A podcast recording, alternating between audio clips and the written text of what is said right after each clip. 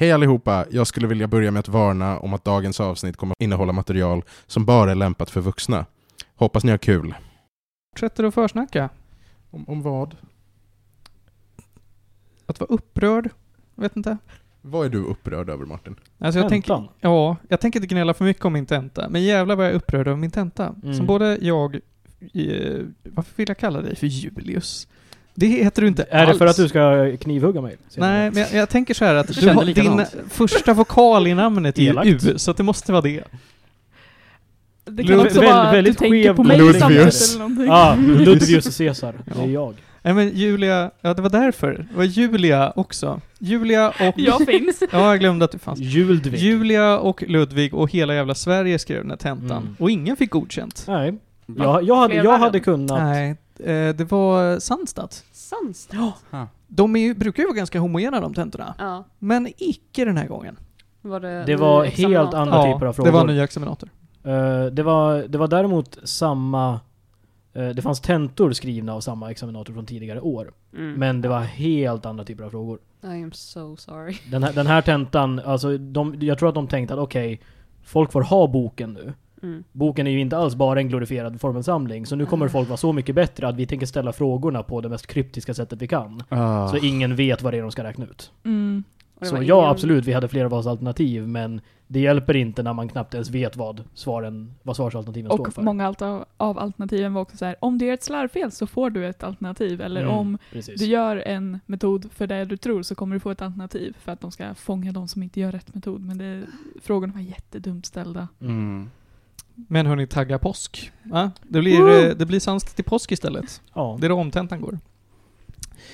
Eh, nej men så därför är jag upprörd. Johan, varför är du upprörd? Eh, ja du, det är nog ett ämne som jag inte riktigt vill eh, ta upp i eh, den här podden. Eh, Men jag ser på dig direkt att när jag nämnde det så mycket inneboende ilska kom fram. I grund, I grund och botten, i grund och botten känner Johan också ilska över Sandstad. det gör jag absolut! Absolut vad jag hatar Sandstad. Alltså holy shit vad jag blev Lugnt, fuckad Johan. av en fråga. Tagga påsk. Nej, jag, jag, jag tänker inte plugga. Holy fuck, jag har gett upp på KTH nästan. Har du gjort det nu? Ja, nästan. Alltså, jag ska inte kalla det en skitskola, men eh, de är lite fucked alltså. Du, jag har ett bra tips. Börja media, det är ganska lätt. Easy lifehack. mm. Mm. ah, ja. Ronja, är du upprörd? Alltså inte så mycket. Nej. Jag, jag, Bara lite lagom sådär.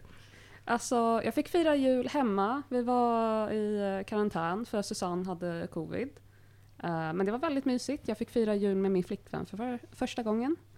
Yay. Jag, Alltså jag och Martin gjorde typ samma sak för att mina föräldrar var i karantän. Äh. Fast Vi var ni firade också med respektive flickvänner? Nej, Nej, nej, alltså nej. Vi firade med min mormor och mamma.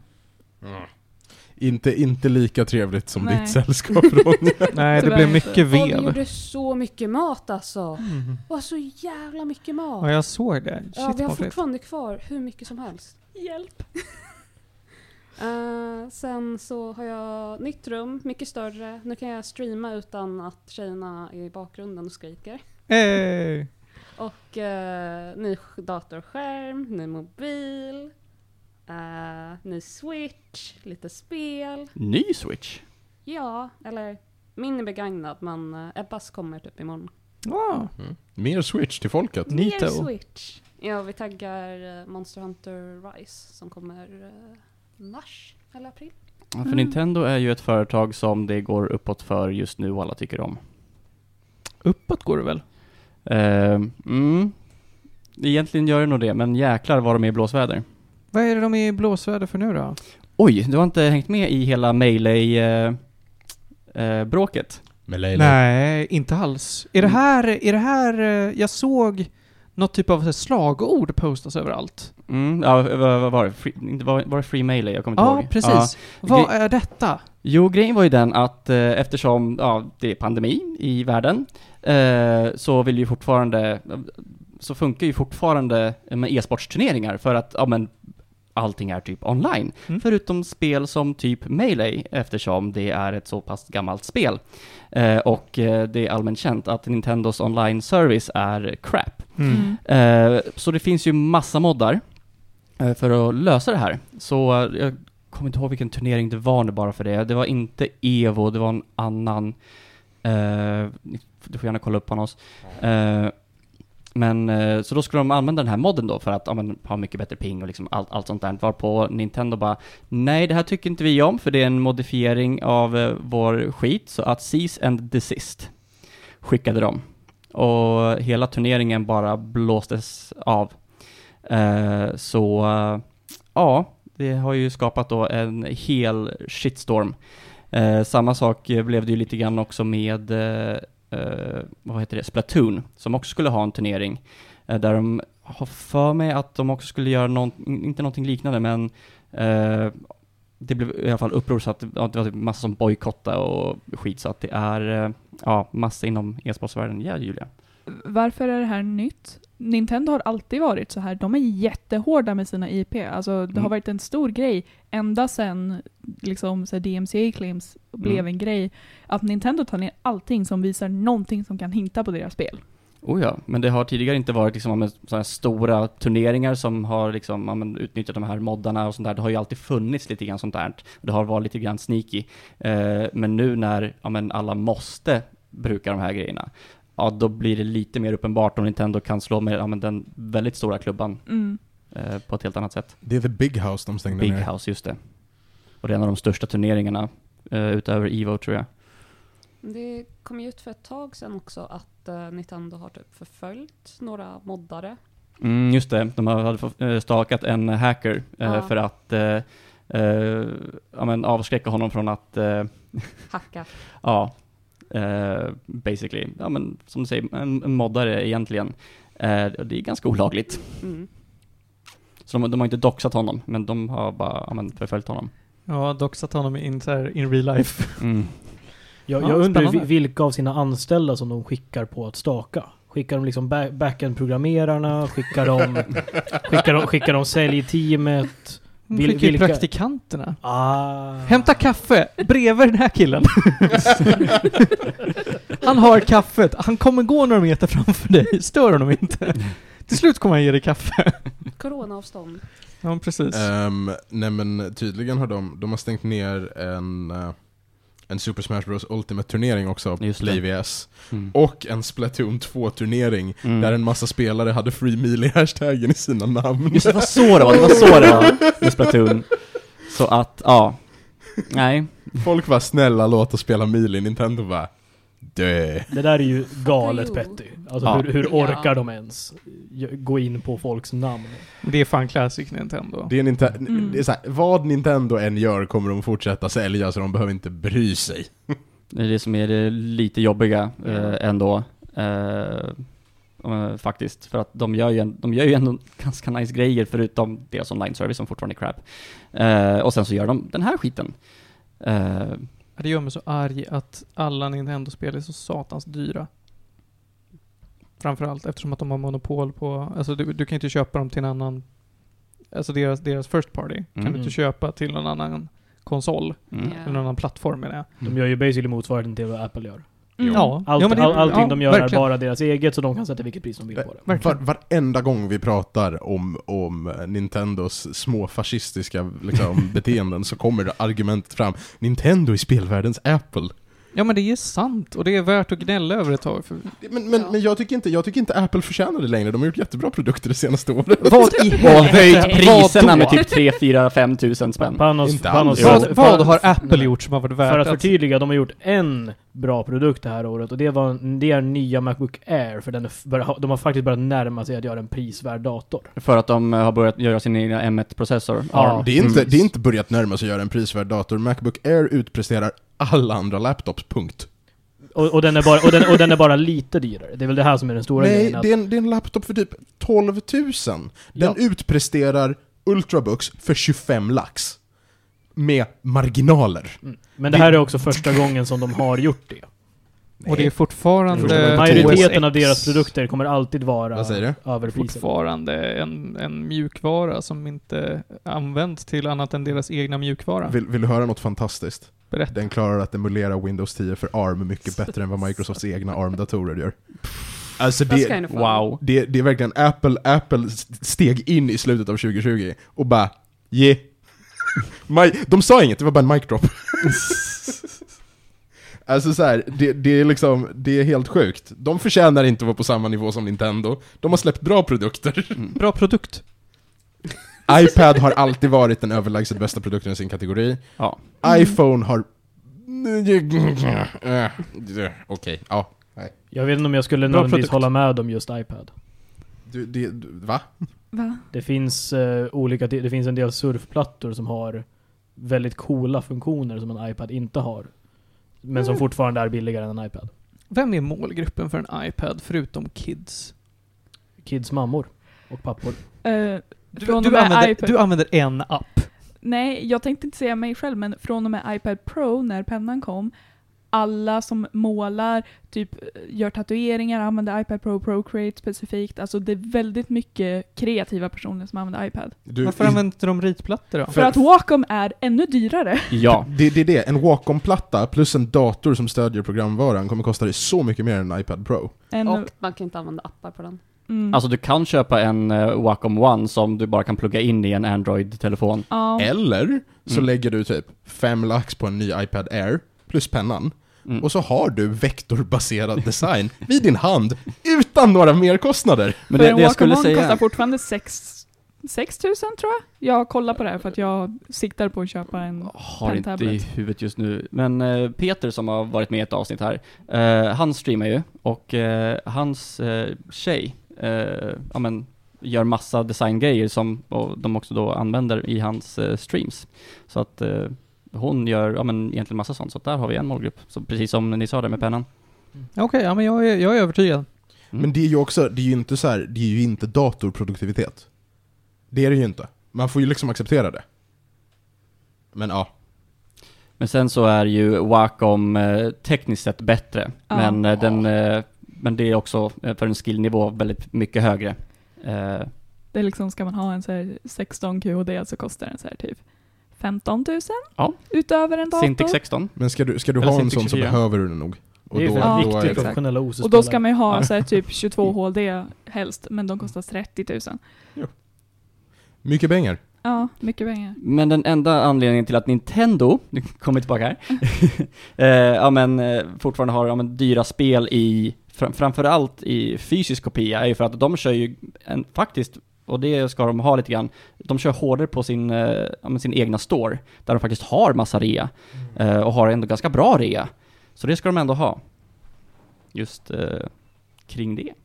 Jag har faktiskt, jag, jag också, jag har online-shoppade lite Switch-spel i, Mm. under högtiderna, det var fan fett värt. Ja. Mycket mer värt än att sitta och handla på typ, alltså att försöka köpa dem i, i riktigt format i alla fall. Då är ju downsiden att eh, man kan ju inte sälja om dem sen. Och man kan inte dela med sig av dem så mycket. Samt det här problemet med att eh, man bara har digitala kopior, att företaget kan bestämma när som helst att nej, du äger inte de här spelen egentligen. Så. Ja. Ja, ja jag håller snarare med. att de kan stänga ner tjänsten snarare än att de kan säga nej du äger inte den här längre men ja det, det, ja, det finns väl omständigheter där de tekniskt sett kan göra så men eh, Det här är ju samma problem man har med Spotify egentligen. Och det har Mm. vi varit okej med rätt länge. Ja men där blir det ju annorlunda för där betalar vi egentligen bara för en prenumerationstjänst medan på Mm. den andra där betalar vi faktiskt för att äga spelet digitalt. Mm. Så det blir inte riktigt samma just den eh, aspekten i alla fall. Nej men effekten blir ju densamma om de bestämmer sig för att fucka oss. Ja det är klart. Har inte Spotify någon köpfunktion?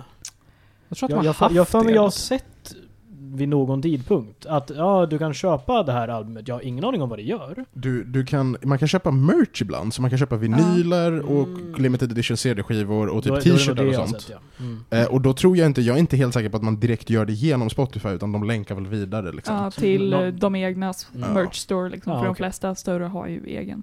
Yes. Men de har ju en sån funktion. Lite, lite Man kan köpa tickets via Spotify. Mm. Just Den det, för de, de, visar, till, de eh, visar när de ska spela. Mm. Mm.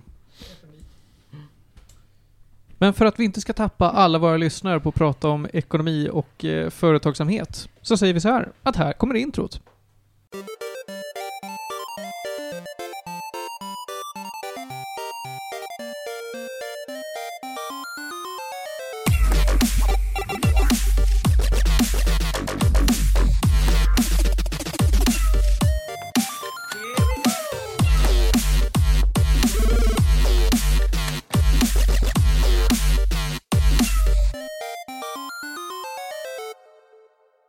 Mina vänner, kära lyssnare och andra hemuler, det är den 9 j- eh, januari 2021 och det är avsnitt 62 av Medis Radio, podcasten om all typ av möjlig fin och ful kultur.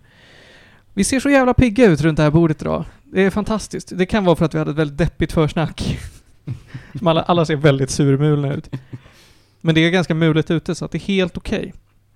Jag heter Martin Lindberg, jag är host för det här programmet och vi är sex personer i studion idag. What? Well. Helt sjukt. På min högra sida sitter Panos Tetufexis, Tjena. grek. Det, det är jag. Sen har vi Ludvig Lundberg. Ja, det är jag. Vad vill du ge dig själv för titel? Ponny. Mm. Johan Käck. Hello! Mm. Ja, det är jag. Du ser ut som en liten sjöman idag med den där. Jag tycker du, alltså den där passar verkligen dig. Ja men tackar. Ja.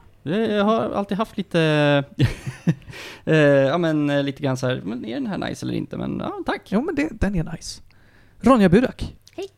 Och Nu blev du så här, från zero till hero blev du hur glad? It's the smile. It's the smile. Julia Terstad Backlund. Ja, jag bor här. Ja, det stämmer. Idag har vi en hel del späckade grejer på vårt schema. Eh, det kommer att bli en crème surprise från eh, Ludvigs håll. Vi kommer att prata om Kentucky Route Zero som äntligen är färdigt. Fuck yeah. Vi kommer att prata om Disco Elysium. Ja. Som jag nu äntligen har tagit tag i efter att det blev på rea. Johan, du ska prata anime. Jajamän. Och eh, så ska vi prata lite väldigt, vad ska man kalla det för? Jag vill kalla det för mainstream-tv, men jag vill också kalla det mysigt. New Girl. Fuck yeah. Mm. Mhm. Är det mainstream-tv? Kan man säga så? Det var väl eh, när den kom ut. Det kändes som alla jag kände tittade på det. Så Mm. ja. Är det för att Zoe Deschanel ser ut som alla människor i världen? Eh, De delar nej. pappa. Men alltså, det, det, är väl, var... det är väl åtminstone bara alla tjejer i världen? Eller så är det Ja, som alla killar också? Ja, det vet jag inte. Jag kan inte uttala Mm. mig. Okej. Minst alla tjejer i världen. Alltså, jag, det, den kom ju ut har jag för mig när jag bodde i Norrköping i eh, korridor där. Och då har jag för mig att vi ändå var ett gäng på en, ja men säg fyra, fem pers. Eh, ja men som ändå kollade på den där. Så att, eh, och då var det ändå, ja men typ 50-50. Och Julia, du ska prata lite skräck. Jag ska prata musik. Skräckmusik. Det är läskigt. Skräckmusik. Är det att albumet heter någonting som jag tror är skräck? Ja, den heter Survival Horror. Ah. Ehm, men det är ett album. Det hade ordet horror i sig, så jag tycker att jag får, jag får en pass för det. Mm. Eh, vad vill vi ta först då? Jag tänker nästan att vi hoppar in på Kentucky Route Zero. Jag vill börja med att säga välkomna till säsong 9. Mm. Just Vi det. fel, jag, jag är rätt säker på att vi felnumrerade förra säsongen. Ja, jag tror det också. Ehm, men nu är det här säsong 9. Mm. Mm. Ja, okej. Kentucky Route Zero. Påminn mig om vad det här är, för det här har jag hållit på längre än långt. Kentucky Route Zero är ett, eh, ett indiespel producerat av Cardboard Computer som är tre snubbar i en källare. Ehm, och det kom ut, det började komma ut i 2013. Och det, det här är alltså, jag, jag tror till och med, jag tror det här kickstartades, och sen var det så här Steam Greenlight-spel, och så var det liksom, det var mycket inför, och sen kom första episoden ut eh, 2013, och, eller akten, första akten kom ut 2013. Och det här spelet har sammanlagt fem akter, och den sista akten kom ut förra året, 2020, i samband med det de kallar för TV Edition, som går till Switch, PS4 och Xbox. För att innan var det här bara eh, på PC. Men nu kan man spela det på TV också. Och eh, Kentucky Route Zero är det, det mest meningslösa story-spelet jag någonsin har spelat. Du gillar det inte? Jo, det är helt fantastiskt. Okej. men, eh, men, men poängen är så här, du, du, du börjar med att du är, du är Conway. Conway är en äldre man med en hund. Du kan bestämma dig för om hunden har ett namn. Har hunden inget namn så är det okej. Eller så heter den Homer, eller så heter den Blue. Huh. Okej. Det finns tre alternativ också. Mm. Alltså, inget I- namn, Homer och Blue. Blue. Ja. Precis. Refereras den till Dog då?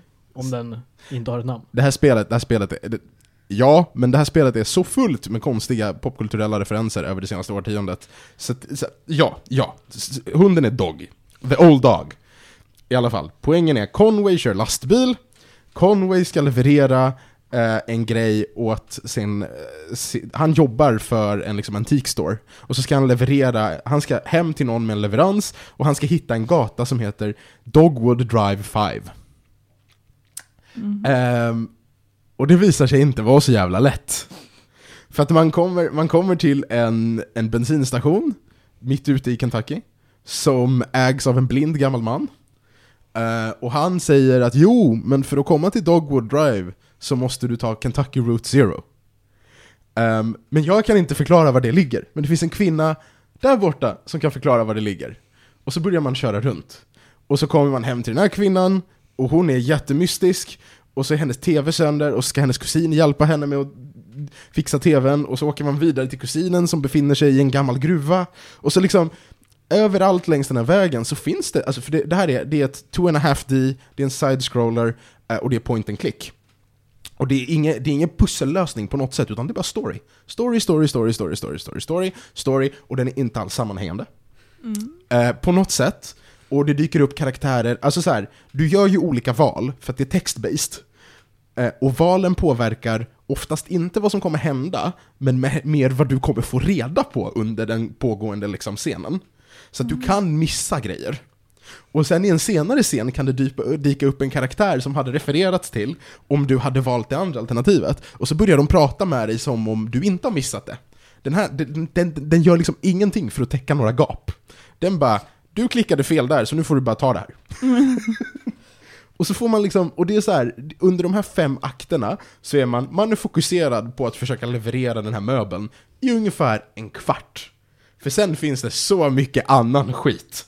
Och man åker runt i cirklar, och alltså så här, gah, det är så mycket som händer. Det är, inte, det är inte ett brutalt långt spel, det är typ 10 timmar. Med alla tre akter då? Alla fem akter. Fem akter, Ja. förlåt. Ja, det är typ 10 timmar.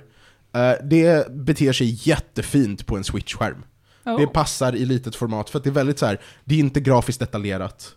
Eh, det finns spöken, det finns gullig bluegrass-musik, Ehm, det finns en hund. Dog. En till hund? Vad sa du? En till hund? Nej, Homer. Jag döpte honom till Homer. Ah. Va- varför döpte du den inte till Dog? Det känns som att Dog var superior name. Homer? Dog? Homer? Dog. Dog meat. Donkey! Men ja, och så har den här, den har en sån här gullig kartmekanik som man kan åka fram och tillbaka på.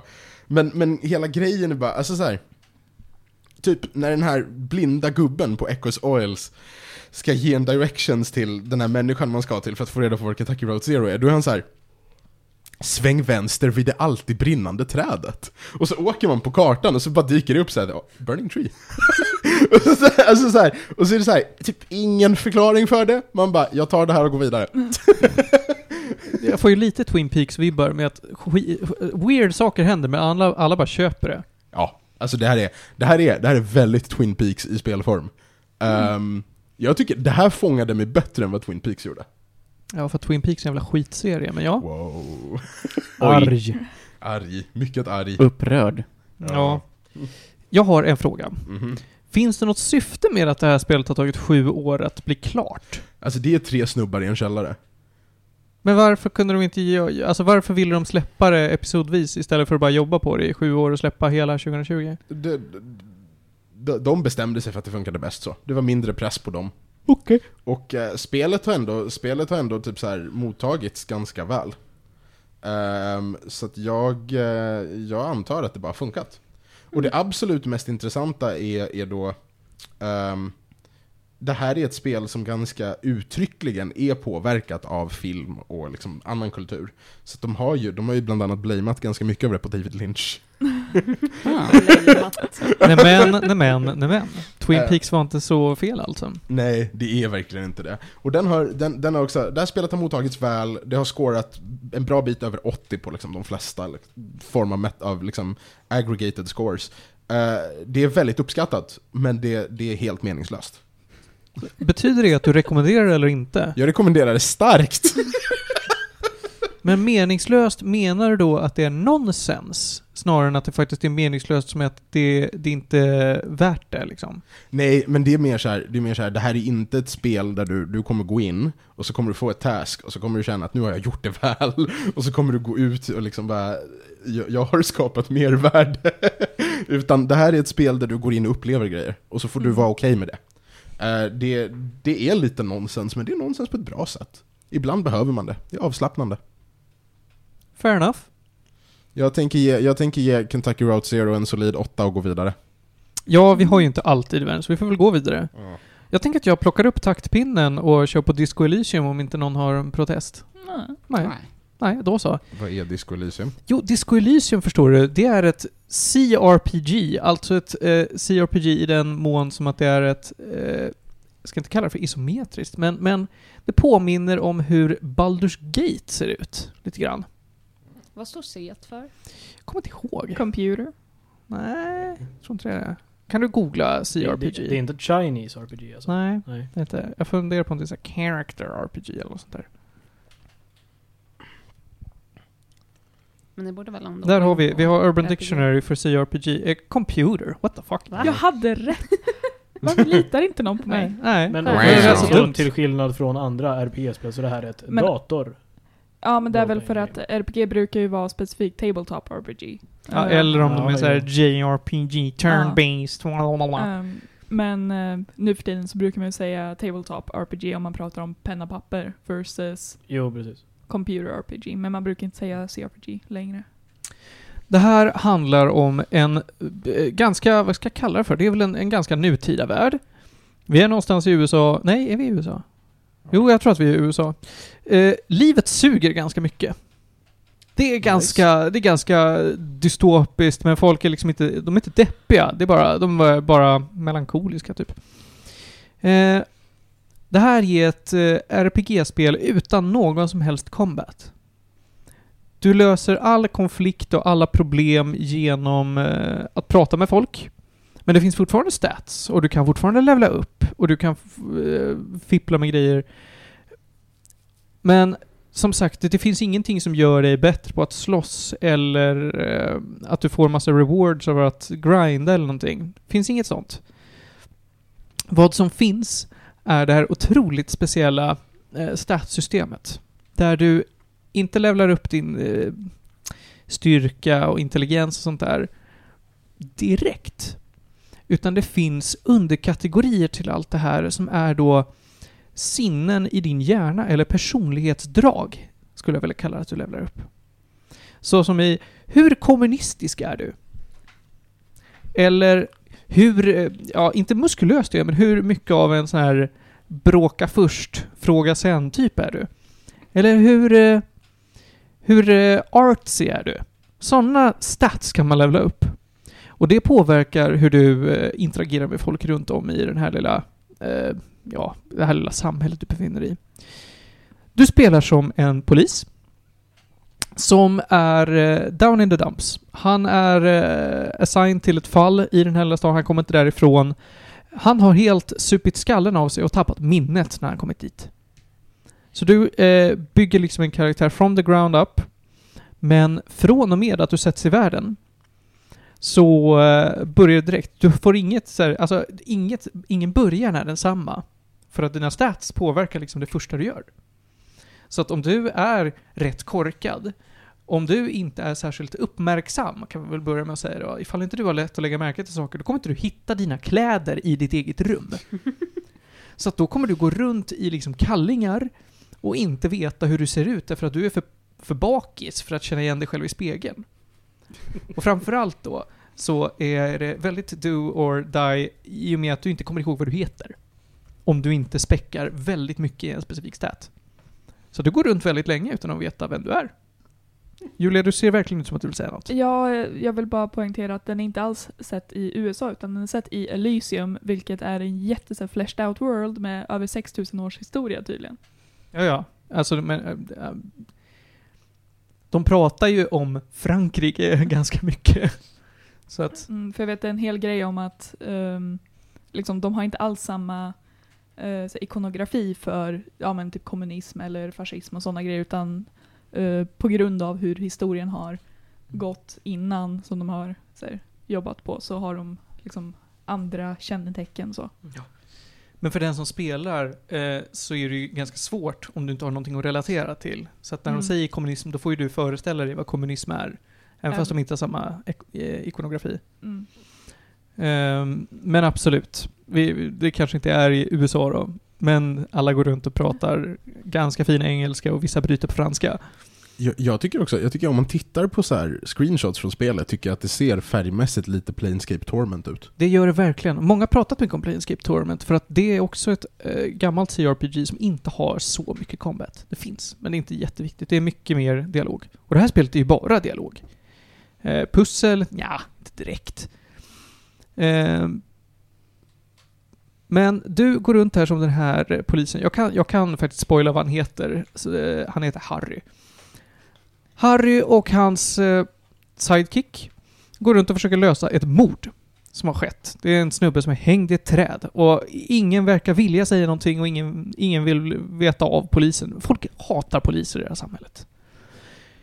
Eh, vad du får reda på, vad du inte får reda på, vem, eh, hur du bondar med folk. Det gäller ju liksom att du ska kunna identifiera dig med folks personligheter och deras problem. Och har inte du de sinnena och de statsen då, då kan du inte bonda, då tycker inte de om dig och du tycker inte om dem heller. Det är mycket dialog som sker i ditt eget huvud. Blir det alltså så att eh, du till exempel inte kan använda ett visst dialogsval om du inte har tillräckligt mycket stats? Eller är det bara... Ja, men eh, det är inte så att du inte kan göra det. Eh, statsen här och hur mycket du har späckat i dem påverkar snarare en procentsats. Okej. I hur stor sannolikhet är det att du eh, kommer på den här grejen liksom, eller kan i, säga någonting, alltså svara på någonting på, på ett rimligt sätt. Mm. Så att du rullar två stycken digitala eh, sexsidiga tärningar. Så att du har alltid möjligheten att, för du krittar på, på två stycken sexor så då klarar du det oavsett vad. Så du har alltid 2% chans att eh, klara en, en sån här skill challenge eller vad man ska kalla det för. Men det betyder också att även om du har max-späckat i någonting, så om du får snake eyes, alltså två ettor, då kommer du alltid få hjärnsläpp och bara "Va? Oh, nej, jag, jag är egentligen artsy, men eh, vad är konst? Det här ger mig bara PTSD från statistiken. Jag tycker kan inte om det här spelet. Det är okej. För att inte grotta in mig i det här allt för mycket så kan jag säga att det är otroligt speciellt. Det är ganska långsamt. Eh, varje grej du gör, alltså det, det går, tiden går inte i real time, utan när du interagerar med folk så går det en minut eller två liksom, på en klocka. Eh, historia, historien utspelar sig över en vecka. Eh, jag hatar färgerna. Jag hatar artstylen ganska mycket. För det är väldigt enkla penseldrag. Och det är, det är ingenting jag tycker är, är jag tycker det är, vad ska jag säga, jag tycker inte det är dåligt, det bara tilltalar inte mig. Jag, jag gillar inte artstylen för att det är så mycket, det, det ser inte så välpolerat ut på något sätt. Och det är ju charmigt för den som gillar det. Eh, men jag ska säga att, alltså googlar ni det här och tittar på screenshots så kan jag säga att spelet ser liksom ut så här. Det är, det är ganska enkla färger. Det ser ganska grått trist ut. Men det är lite poängen. Det är inte en solskenshistoria. När du kommer till något av de många sluten så du kommer inte känna dig glad och nöjd. Det slutar väldigt abrupt kan jag spoila. Men, men men då ändå går ju därifrån med en ordentlig upplevelse. För att eftersom att det inte finns någon combat, det finns ingen... Um, det är en ganska innesluten historia liksom. Du, du kan inte spendera all tid i världen. Så utvecklarna har bara satsat allt på worldbuilding. Allting är väldigt integrerat. Det känns som en ganska, inte levande stad, men det känns som en uttänkt stad. Det finns inga hål. Ifall du skulle spela igen där tusen gånger och göra alla dialogträd, allting kommer att vara logiskt och konsekvent. Vilket är ganska imponerande, men det är ett väldigt långt spel. Jag kommer inte ihåg hur lång tid jag la på det, men det var fan ganska långt. Det är alltså då för en playthrough av det. Ja, precis. Jag ser inte riktigt någon, jag spelar ju inte om spel om jag inte måste, men, men jag har ganska svårt att se att jag hoppar in i det igen och gör en till playthrough direkt efter min första liksom. Mm. Jag tänker att den, den som verkligen vill spela det igen kommer nog behöva vänta ett tag för att och göra en helt annan bild. Och jag tänker så här, i många spel där du gör val, då kan det ju bli så att men du går in med inställningen att Nej, men den här gången ska jag spela på det här sättet. Typ Mass Effect. Mm. Där går du in och bara, men den här gången ska jag spela Renegade och så märker du att nej men jag vill verkligen inte vara en fitta. Mm. Så blir man snäll i alla fall. Här är det ju så att eftersom att du lägger dina stats så annorlunda och folk reagerar på dig framför allt. Det är inte bara de här skill challengesarna. De, de kommer alltid reagera på vad de ser och vad du har späckat. Och du kommer bli lite utelåst från saker. även om du kanske kan ha den här 2% chansen att lyckas liksom, så kommer det bli så att gör du från sekund ett, andra val, då kommer du inte kunna göra samma playthrough som du gjorde förra gången i alla fall. Och det är imponerande. Jag vill ge Disco Elysium 7 av 10. Jag vet inte om det här är något för mig, men jävlar vad det är någonting för någon. Det är ju ganska eh, kritiskt här, rosat. Så det är Mm. nice. Men någonting för de flesta eller eh, Nej, det måste tror jag man inte. vara ja, men lite av en nischad... Ja, eh, jag tror man måste vara nischad, för det här det är så annorlunda och det är ganska långsamt. Jag tycker spelindustrin idag är mycket så här fokuserad på att du ska inte missa någonting när du gör val. Du ska få illusionen av att du gör val, men utvecklare vill inte att du missar saker. Mm. De vill gärna att du ska se hela världen de har byggt upp. Eh, Det är det som gör det här lite nischat. All right. När kom den här ut? Jag tror att det var 2018. 19 om 19. jag såg det rätt. Ja, det kan vara 19. På- Jag tror att det var i mars. 2019 Oktober. Oktober. ja. ja, men jag kan ingenting. 2019 alltså. Mm. Ja, ja, men det var det. Eh, vi går vidare i agendan. Panos, du... Eh, Ja, jag tänkte bara, det här verkar ändå vara ett väldigt prisbelönt spel. ja, det var ja, men jag sa det. Det är Mm. väldigt kritikerrosat. Ja. För det, alltså, det är ju bra. Det är bara väldigt nischat. Som sagt, det är dags att hoppa vidare och eh, vi ska prata lite anime. Johan, du har lagt tid på att kolla igenom en massa animes nu. Det har jag. Jag har ju haft, eh, jag ska säga förmodad covid eftersom eh, eh, jag tappade lukt och smak. Eh, gjorde ett hemtest men eh, det kom tillbaka negativt så jag vet inte om jag tog det riktigt ordentligt. Eh, och när jag ringde Vårdguiden så tyckte de inte att jag skulle fira eh, nyår med min familj. Eh, bara för att. Så att, eh, eh, kanske, kanske inte. Eh, men då har jag i alla fall legat inne och glott på ja, men, gammal skåpmat kan man väl kanske säga. Eh, bland annat en serie som heter Higurashi Nonaku Koroni, eh, eller på eh, den engelska titeln Higurashi When They Cry. Eh, och eh, jag kommer ja, säga Higurashi no Koroni, eh, det får ni leva med. Eh, alla här tror att jag pratar gibberish. Weeb. Eh, men, eh, men det är alltså en skräckanime, faktiskt. Som den är väldigt speciell ändå, och jag ska se, när var det jag började Berätta mer. första gången? Jag är på väg, nu får du lugna dig. Vem kunde ha anat att en anime skulle vara speciell? Hör du, det Nu finns så mycket du, eh, ospeciell anime. Jag, jag har, innan du börjar med att förklara vad det är, Mm. så min eh, fråga som jag ställer, första jag gör innan jag dyker in i en anime, hur lång är den? Eh, just, för, för grejen är, de har delat upp, som vissa animes gör, i lite olika segment. Så det finns en Higurashi no Naki Koroni Kai, och en, ska se, nu ska jag kolla upp det här. Eh, därför att... Eh, det här var Den är lite baserad på ett spelserie. Ja, det stämmer. Eh, som de också då kallar för ja, men When They Cry-serien i USA då. Så antingen är det Higurashi, Umineko, det fi- finns lite olika varianter. Eh, men så, som jag har kollat upp så kom Higurashi först. Eh, ska se, vad var det jag skulle kolla upp nu? Jag glömde bort. Hur lång den är? Uh, yes, så första säsongen då som bara heter Higurashi no Koroni är 26 avsnitt. Uh, finns på Netflix, hela den säsongen. Uh, sen så, ska se om jag kan hitta här lite snabbt. För då kommer ju de här Gå, eh, de har gjort massa live action novel series. För det är då från början då spelet en visual novel. Ska se, When They Cry. Har kommit en manga där också. Ska se. Nu tappar jag bort helt där. Eh, Cry, eh, Cry ne- Nekogoroshi Chapter som är bara ett avsnitt och sen så har de massa OVA-avsnitt.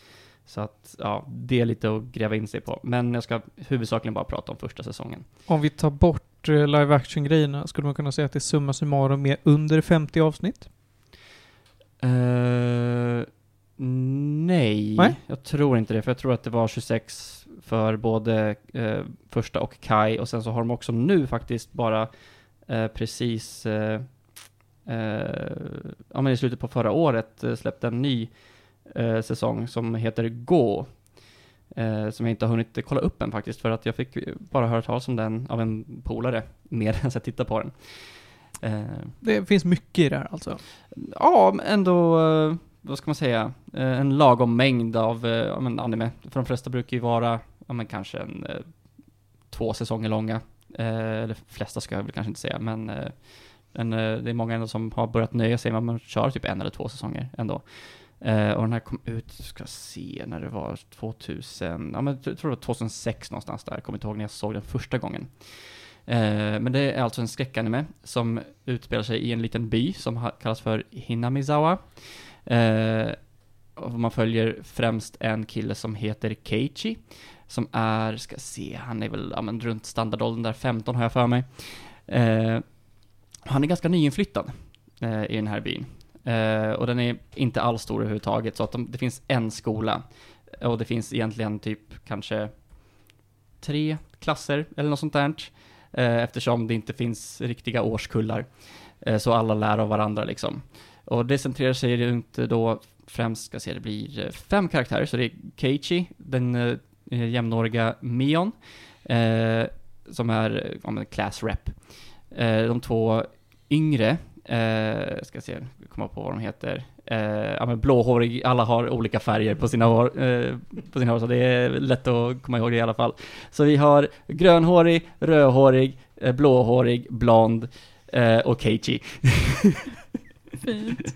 Det är som The Power Rangers. Ja, men lite grann så, fast ingen är svarthårig. Eh, så Rena och Mion är de två jag kommer ihåg. Eh, och just Satoko heter den blonda, och sen den blåhåriga, åh För hon är guds jätteviktig. skull Johan, det är så oviktigt. Jag vet, men jag blir frustrerad på mig själv. Eh, men, men grejen är att alla är verkligen ja, men, Hon heter viktiga för hela Rika. storyn. Rika, tack. Eh, men hela storyn centraliserar sig egentligen kring eh, allt det mystiska som har egentligen hänt i liksom eh, byns historia. Som i början fokuserar på att eh, regeringen ville bygga en damm och egentligen bara dränka hela eh, byn. Eh, där då ja, men alla motsatte sig och det hände för sju år sedan om jag minns rätt. Eh, men när Keiichi försöker, ja, men, när han, eh, först hört talas om det här och försöker ja, men, gräva lite grann så är det ingen som vill kännas vid att det här någonsin har hänt. Så han börjar gräva lite mer i det då. Och börjar känna att ja, men, mina klasskamrater kanske inte är så, ja men, eh, har så rent mjöl i påsen egentligen. Särskilt med tanke på att Mion är lite grann eh, av, eh, hon eh, är, eh, vad heter det, efterträdare till egentligen byns maffia. En av de tre eh, högsta familjerna i byn. Eh, så hon har särskilt lite, ja men, eh, suspicion på sig. Eh, och det här eskalerar ändå rätt mycket ganska snabbt. Och Cage blir allt mer och mer paranoid. Eh, därför att den andra grejen i hela den här är att det finns en legend i byn eh, om eh, deras eh, protector som heter Oyashiro-sama. Därför att det finns en legend som eh, heter att det finns en eh, förbannelse. Eh, där varje år så har de en festival som heter The Cotton Drifting Festival. Där de helt enkelt, ja men slänger eh, ull, eller jo, ull, bomull, Bomull. Bomull. bomull tack, eh, i vattnet typ. Annars är det en ganska typisk, ja, men, japanskt traditionell festivalaktigt liksom. Eh, men då på kvällen varje år så är det en person som dör och en person som försvinner. Eh, varje, varje år de fem senaste åren. As is tradition eller bara råkar det bli så? Det vet man inte. Men hur kän, alltså, känns folk vid det här? Eh, det var för att... Eh, Nej, nej men alltså jag mm. menar, under festivalen, är det Mm. folk som går runt och pratar om att Hoho, vem kommer dö ikväll? Ja, lite grann så. Det är konstigt. Faktiskt. Det är väldigt konstigt. Nej, egentligen inte. Eh, Eftersom det, det är vi- vissa som är lite mer skrämda av det och vissa som är mer undersökande. Eh, därför att det centraliserar sig kring just det, kring två personer. En fotograf som brukar ändå ja, men komma till den här byn eh, varje år. Eh, inte nödvändigtvis kring eh, ja, festivalen, men kommer lite då och då och fotograferar.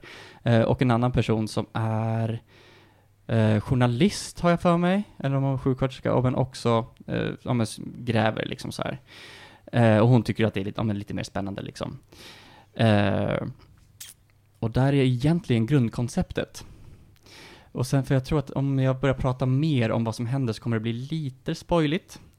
Eh, därför att eh, hela, hela säsongen är uppdelad i ark. Där man får följa inte bara Cage utan man får följa eh, de andra karaktärerna också. Men på annorlunda sätt och på hur det är annorlunda lämnar jag upp till tittarna. KG var den som började misstänka att ah, mina klasskompisar, a.k.a. de andra karaktärerna, Mm. har inte rent mjöl i påsen. Mm. kan man ändå se att alla är någon typ av protagonister? Mm. Okej. Men det, det blir alltså lite av ett murder mystery på något sätt. Ja. Det är det som är målet. Att ta reda på vad det är som pågår ungefär. Eller finns det något annat? eh, Fan, det är Twin klar- Peaks igen. ja men det blir lite grann eh, den här, finns Oyashiro-sama eller finns han inte? Eh, är det, är det vet du, bymaffian som eh, plockar bort de här personerna bara för att få att se ut som att det är det här, eller, Mm. eh, eller inte? Så att det är en hel del mystik. Det är Scooby-Doo helt enkelt. Eh, ja, ut, förutom The Van och eh, det är mycket mer crazy. Eh, Mycket mer crazy än Scooby-Doo. ja, Oj. oh ja. Eh, Scooby-Doo samma. Och, eh, och Shaggy Kung. det är Shaggy när han har tagit lite för mycket Gooby, eh, Scooby Snacks. Gooby Snacks. Gooby Snacks, ja. Men det här, låter, det, det här låter, ändå, det låter ändå som att det finns, there's intrigue. Oh ja. Hur, på en skala från 0 till 10, hur många skådisar från Mad Men är med? Eh, hur många japaner finns med i Mad Men? Nej, ja, förlåt. Han, han sa fel. Han menar Madomen och... Maddomen. Eh, jag har inte sett den serien, så jag vet inte. Vill du ge den gäddor? Det kan jag gärna göra. Eh, jag skulle nog säga ändå, eh, ja men säg fyra av fem ändå. Eh, bara för att genren är så eh, annorlunda. Eh, teckningsstilen är inte klockren, men ändå säregen. Den är också från 2006. Den är också från 2006. Eh, men det finns också, alltså, jag menar man skulle kunna säga, säga att Sailor Moon ser bättre ut, Mm. men att den är äldre. För jag menar, det blir, det kommer ner till teckningsstilen snarare än att den är Mm. dåligt tecknad skulle jag säga. Mm. Och, så det är, så storyn är nice, det blir väldigt mycket att man ja, men får tänka lite grann själv och bara, men hur, hur är det egentligen? För det, ja, men det är mysterium. Eh, eh, och, ska för om man vill ha om en riktigt, riktigt skräck, skräck så ska man egentligen kolla på, vad, heter han? Eh, Ito har jag för mig? Han som Ja, gör- Junji Ito. Ja, exakt. Mm. Mm. Eh, Han är väl författare, va? Ja, Ja, men det finns en... manga. eh, det fin- jag vet inte om det finns animes av det han gör, men manga en hel del. Ja. Eh, ja, jo, jag. men han var, han var väl mangaförfattare. Mm, precis. fall. Eh, så annars, jag har inte sett så många andra uh, skräckanimes, men jag tycker den här är, den är riktigt creepy. Det är inte så att jag sitter ja, men, och, och blir rädd, men det är bara så här, åh, det här är obehagligt att titta på. De, och de gör det riktigt bra, skulle jag säga. Vem, vem är egentligen målgruppen för det här? då? Är det den som vill ha ett mysterium eller den som vill bli rädd eller lite, lite båda? Jag skulle säga lite både och egentligen. Eh, Eller snarare, alltså det, jag tror lättare att säga vem är den här inte till för? Eh, de som inte klarar av, eh, vad ska man säga, eh, mentala, vad ska man säga, ja, men, men, mentala trauman kanske lite grann, eh, Det är lite så psychic horror typ. det är lite psychic horror. Har du sett Another? Nej. Då borde du se Another, för det här påminner mig väldigt mycket om Another. Ooh, nice. Anime? Ja, Hmm. den är skitbra. Jag såg den med ett par vänner när jag var yngre. Nice. Det finns också som en manga, tror jag, eller liksom Ska kolla upp den. Så det är nice. Hur lång är den? Nej, Okej, jag kommer inte ihåg. alright. Ja, nej men är du klar där? Eh, jag tror det, om ni inte har några fler eh, frågor. Eh, kan du rabbla en gång till alla namnen på karaktärerna som blue Keiichi, Power Satoko, Ranger, the yellow Power Ranger, the green Power Ranger. Rika, Megazord. Mina och Rena. Jag tänker att eh, vi ska prata ponnys nu. Åh, Och det här, är, det här är lite spännande, för att vi ska inte prata om vilka ponnys som helst. Utan vi ska prata om mina små ponnys. gud vad det låter obehagligt Ja, det gör när man det. säger det på svenska. Ja, jag låter... ja, Men alltså min lilla ponny, som serien hette på, på svenska, är ju... är- Jag vet inte. Det, det funkar bättre när det är lilla ponny tror jag. Det är när det är mina små ponnys så låter Mm. det väldigt konstigt. Jag tänker låta dig ta över taktpinnen nu, Ludde, och förklara vad det är du har sett. För du har ju spe eller sett, du har spelat spelet Friendship with Benefits. Ja. Uh, jag, jag vill börja med att förtydliga här att jag, jag är ju inte en brony. Utan uh, jag satt uppe en kväll uh, och sen så skickar Martin en meddelande och säger Men du Ludvig, det här spelet är på rea på Steam. Vill inte du prova att spela det? Så kan du prata om det på nästa Medias Radio-avsnitt. Ja, absolut. Så jag köpte det här spelet för 50 spänn. Tror jag det var. Eh, och det här är då en Jag fick det spelet rekommenderat till mig på Steam. Det är... Det har varit den har varit väldigt Steam. trending. Alltså det här är ett populärt spel. Och det är alltså, det kanske man delvis förstår från namnet, det är alltså en eh, visual erotic novel. eh, som centrerar sig kring My Little Pony. Och jag har väl spenderat kanske en tre timmar i det här nu. Uh, och det, det är väl, det finns ju ett, ett mål, quote on quote, med spelet, men det är också ganska uh, free play egentligen. Uh, den huvudsakliga premissen är, du är en människa som, som huvudkaraktär och du blir du blir summoned av en, av en ponny in i Ponyland eller vad det nu heter. För att hon försökte framkalla en, en eh, typ, jag tror en familiar och jag vet inte riktigt vad det svenska namnet är för det här. Men, jag tror eh, man kan säga familjär också. Jag tror Ja. att det är tekniskt sett rätt. Om jag inte missminner mig. Men ja. Ja, men, men i alla fall, och, eh, och hon säger men vänta, du är ju inte en, en familiar. Nej, jag är en människa. Och så säger hon fan, det här var ju inte vad jag ville. Men i alla fall då så, ja nu, nu är du fast här ett tag. Så eh, vad vill du göra? Ja men jag, jag vill ju då eh, tjäna lite pengar under dagarna så man kan gå och arbeta på olika platser i den här lilla byn. Och eh, interagera med, med, eh, med byns invånare. Ehm, Du och- nämnde ju igår att det finns inte samma eh, spridning mellan män och kvinnor.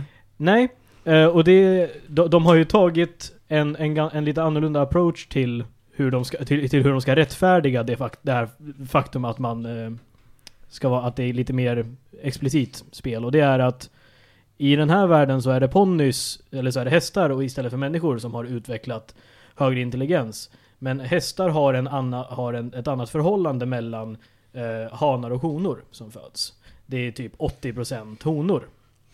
Vilket leder till att det blir en annorlunda slags dynamik där. Så eh, killarna är överdrivet populära istället. Och det är killarna som ska... eh, som ska det är the stallions då som ska välja bland alla mares. Jag känner mig hemskt för att jag har lärt mig den här terminologin nu. Eh, men i alla fall... Eller vill du fråga någonting Martin? Nej, jag tänkte bara säga att summan av kardemumman är att de har försökt krysta in ett sätt för varför det är logiskt att du får ligga så mycket. Mm. För, för då har de ju även då in, infört liksom the heat här då för att, ja, och så alla är ju då konstant väldigt sugna. För det då- finns ju hos hästar. Mm, absolut. Definitivt. Eh, men jag, jag blev positivt överraskad av att det här var faktiskt, det har lagts tanke bakom det här spelet. Eh, dels så är ju, många av de här spelen är ju väldigt självmedvetna. De vet att de gör ett porrspel i stort sett. Så de, det kan finnas mycket liksom självreferens till att hmm, det här var ett väldigt konstigt val av mig att göra. Hmm, undrar varför jag gör det. Eh, men finns även oväntat mycket, ja men faktiskt intressanta lite så här för, för mycket, det kommer, det kommer per automatik bli en del diskussion, diskussioner gällande Kings och liknande. Och de har faktiskt en någorlunda rimlig inställning till det, författaren som har skrivit det. Och folk pratar om det på ett hälsosamt sätt. Och det är ingen, inget, inget dömande fram och tillbaka. Det finns alltid en del, en del cringe och ibland lite så här: nej det här känns orimligt. Men jag var, jag förväntade mig något mycket sämre, helt ärligt. Och det är typ den bästa komplimangen jag kan ge det här spelet, att jag förväntade mig något väldigt mycket sämre. För, för att ha blivit lurad av Martin till att spela en My Little Pony Eroge, hur känner du dig nu? Jag, jag känner mig passiv. Lite smått skändad. Mm. Det första du skrev till mig var att du kommenterade på vad roligt det här spelet är, vad humoristiskt det är. Ja, nej, det, det är faktiskt genuint, ma- man kan skratta medan man spelar det. För det, det, är, en, en, en, det är inte rakt ut skämt per se, det är mer att interaktionerna kan bli väldigt roliga. För att karaktärerna, är, vanligtvis är det någon slags stereotyp som de ska falla inom. Men i och med att de är lite självmedvetna i det här, och typ huvudkaraktären på något sätt blir det här fö- fönstret till, ja, du spelar ett porrspel. Så är det, det, det kommer, man får en del skratt bara från hur, hur karaktären analyserar hur de här andra NPCs beter sig. Ehm, jag, ehm, jag gjorde en upptäckt medan jag satt och googlade på det här. Den 8 november 2020 skapade sin egen subreddit för Friendship with Benefits. Och en av de första posten i subredditen är How do I win this game without having to actually smash anyone? Ja, det är en utmaning. Det, det, det, det, det är liksom den genrens motsvarighet till eh, pacifist. Ja! Precis. Spore Pacifist Run. My Little Pony Edition. Jag vill eh, lägga till att det här spelet är gjort i Renpy. Och eh, det är ju därmed ganska basic. Det är visual novel. Eh, jag tyckte, jag blev imponerad över att de har den här kartan där du får gå runt och faktiskt välja Mm. grafiskt, inte bara med textboxar, utan du får liksom klicka dig runt på vart du vill gå och spendera din tid. Ja, precis. Nej, och, och som du säger, det, det är ju... Rent visuellt är det väldigt basic. Det är basically 100% eh, liksom still frames med liksom fades mellan i stort sett. Men det är ändå, de kompenserar för det genom att faktiskt ha li, någorlunda kre, kreativt skrivande. Så det är inte den här... eh, det, är, det, är inte att de, det är inte riktigt att de skriver ljudeffekter för att si, simulera att saker händer, utan... Det gjorde de. De, de gjorde det en gång Martin. Men det, det, var, det, det, var, det var bara roligt i sig. För det, Hur, hur, jämför det här sig med Hatoful Boyfriend? Jag tänkte fråga exakt samma sak! mm. Jag vet inte, ingen av oss har ju spelat Hatto for a Boyfriend. jag, jag, har, jag har sett Total Biscuit-spelare. Får man ligga med duvor? Ja. Man får, man får hardcore romansa dem i alla fall. Alltså, hur, min fråga är hur eh, fick de, alltså varför fick de använda sig av My Little Pony-franchisen? Det är ju inte riktigt det utan... jag, jag, Som jag har förstått det är att de kommer undan med det därför att de nämner aldrig någon i, liksom IP eller något, eller det specifika namnet. Det här är inte My Little Pony, det är miniatyrhästar. Och- Ja, precis. Och- Det är bara och- och- hästar. Nej men, och, och det, fan, det, det, sen är det, det är inte... De är ju helt eh, antropomorfa i det här fallet. Så det, Ah. det Eller de är människor med Ja, hästhuvuden. de, de, nej, men de, de, är, de är människor med öron och svans och liksom en lite annorlunda näsa typ. Eh, så dels det och sen tror jag också att utseendet matchar, som jag förstod det, för det fanns tydligen en mod som var ah, här är så att alla, så att de ser mer ut som sina verkliga counterparts. Så supposedly, nej, inte så, utan bara färgkodningen då. Jaha, okej. Så det var typ att, okej, men den här personen ska ha eh, den här färgen på p- päls? Mm. Vad heter Ja. det? Ja. He, heter det Ja, päls? ja, det är päls. Ja, nej, men då är det typ att ja, den, här har, den här ska ha den här färgen på pälsen och det här, den här färgen på manen typ. Och det, det var, så jag tror att de, att det också är en det, det att de har, de är inte, de har ändrat små grejer för Mm. att de ska kunna få göra det. För det här är ju någon solo-developer som jag har förstått det. Mm. Det är en snubbe i en källare. Ja, och, och, och, och jag har kunnat konstatera att ja, det är en snubbe, det är definitivt en snubbe. Ja. I en källare. Fr, frå, från hur eh, vissa scener beskrivs. Du kan ju prata om patchen som kommer häromdagen. Ja, det kom ju en... Eh, lagom till jul här som en fin julklapp så kom det ju en gratis uppdatering. För han var så nöjd med att folk hade uppskattat det här spelet. Det har fått väldigt god, alltså bra Ja. kritik. Mig. Eh, och eh, så han släppte då en gratis patch, eh, patch 1.2. eh, där han lade till tre nya roma romanceable girls och 12 nya scener. That's a lot of pigeon. Det är väldigt mycket fågel. Nu är det så här att jag och Julia har en överraskning. Åh herregud. Därför att, för att komma i stämning, I själsvängning. nej inte i självsvändning, utan snarare för att kunna up your game, Mhm. så har vi i hemlighet spelat ett annat trending eroge-game på Steam. Mm. Vi har spelat spelet Footafix, Oh Dick, god nej! Dine and Dash. Åh, det här ska inte behöva vara med. Jo då, jo då, tro mig att det här, jävlar vad vi behöver prata Eh, om Footafix, Dick, Dine and Dash. Som också är gjort av män och det märks jättetydligt. Mm. Får, Mm.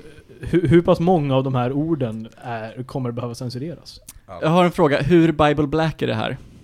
Jag vet inte vad Bible Black är. Då pratar vi om det sen. Eh, jag tänker inte prata så mycket mer om erotiken här, bara när det är nödvändigt, för att det, det finns inget syfte med det. Mm. Det här spelet är inte gjort i Rampire. Det är en hel studio som har gjort det. Det är ett, Mm. ett gäng på flera developers, men det är ändå ett indiespel. Det har en ordentlig publicerare och det har en del pengar bakom sig. Det märks. Wow. Det är fruktansvärt detaljerat.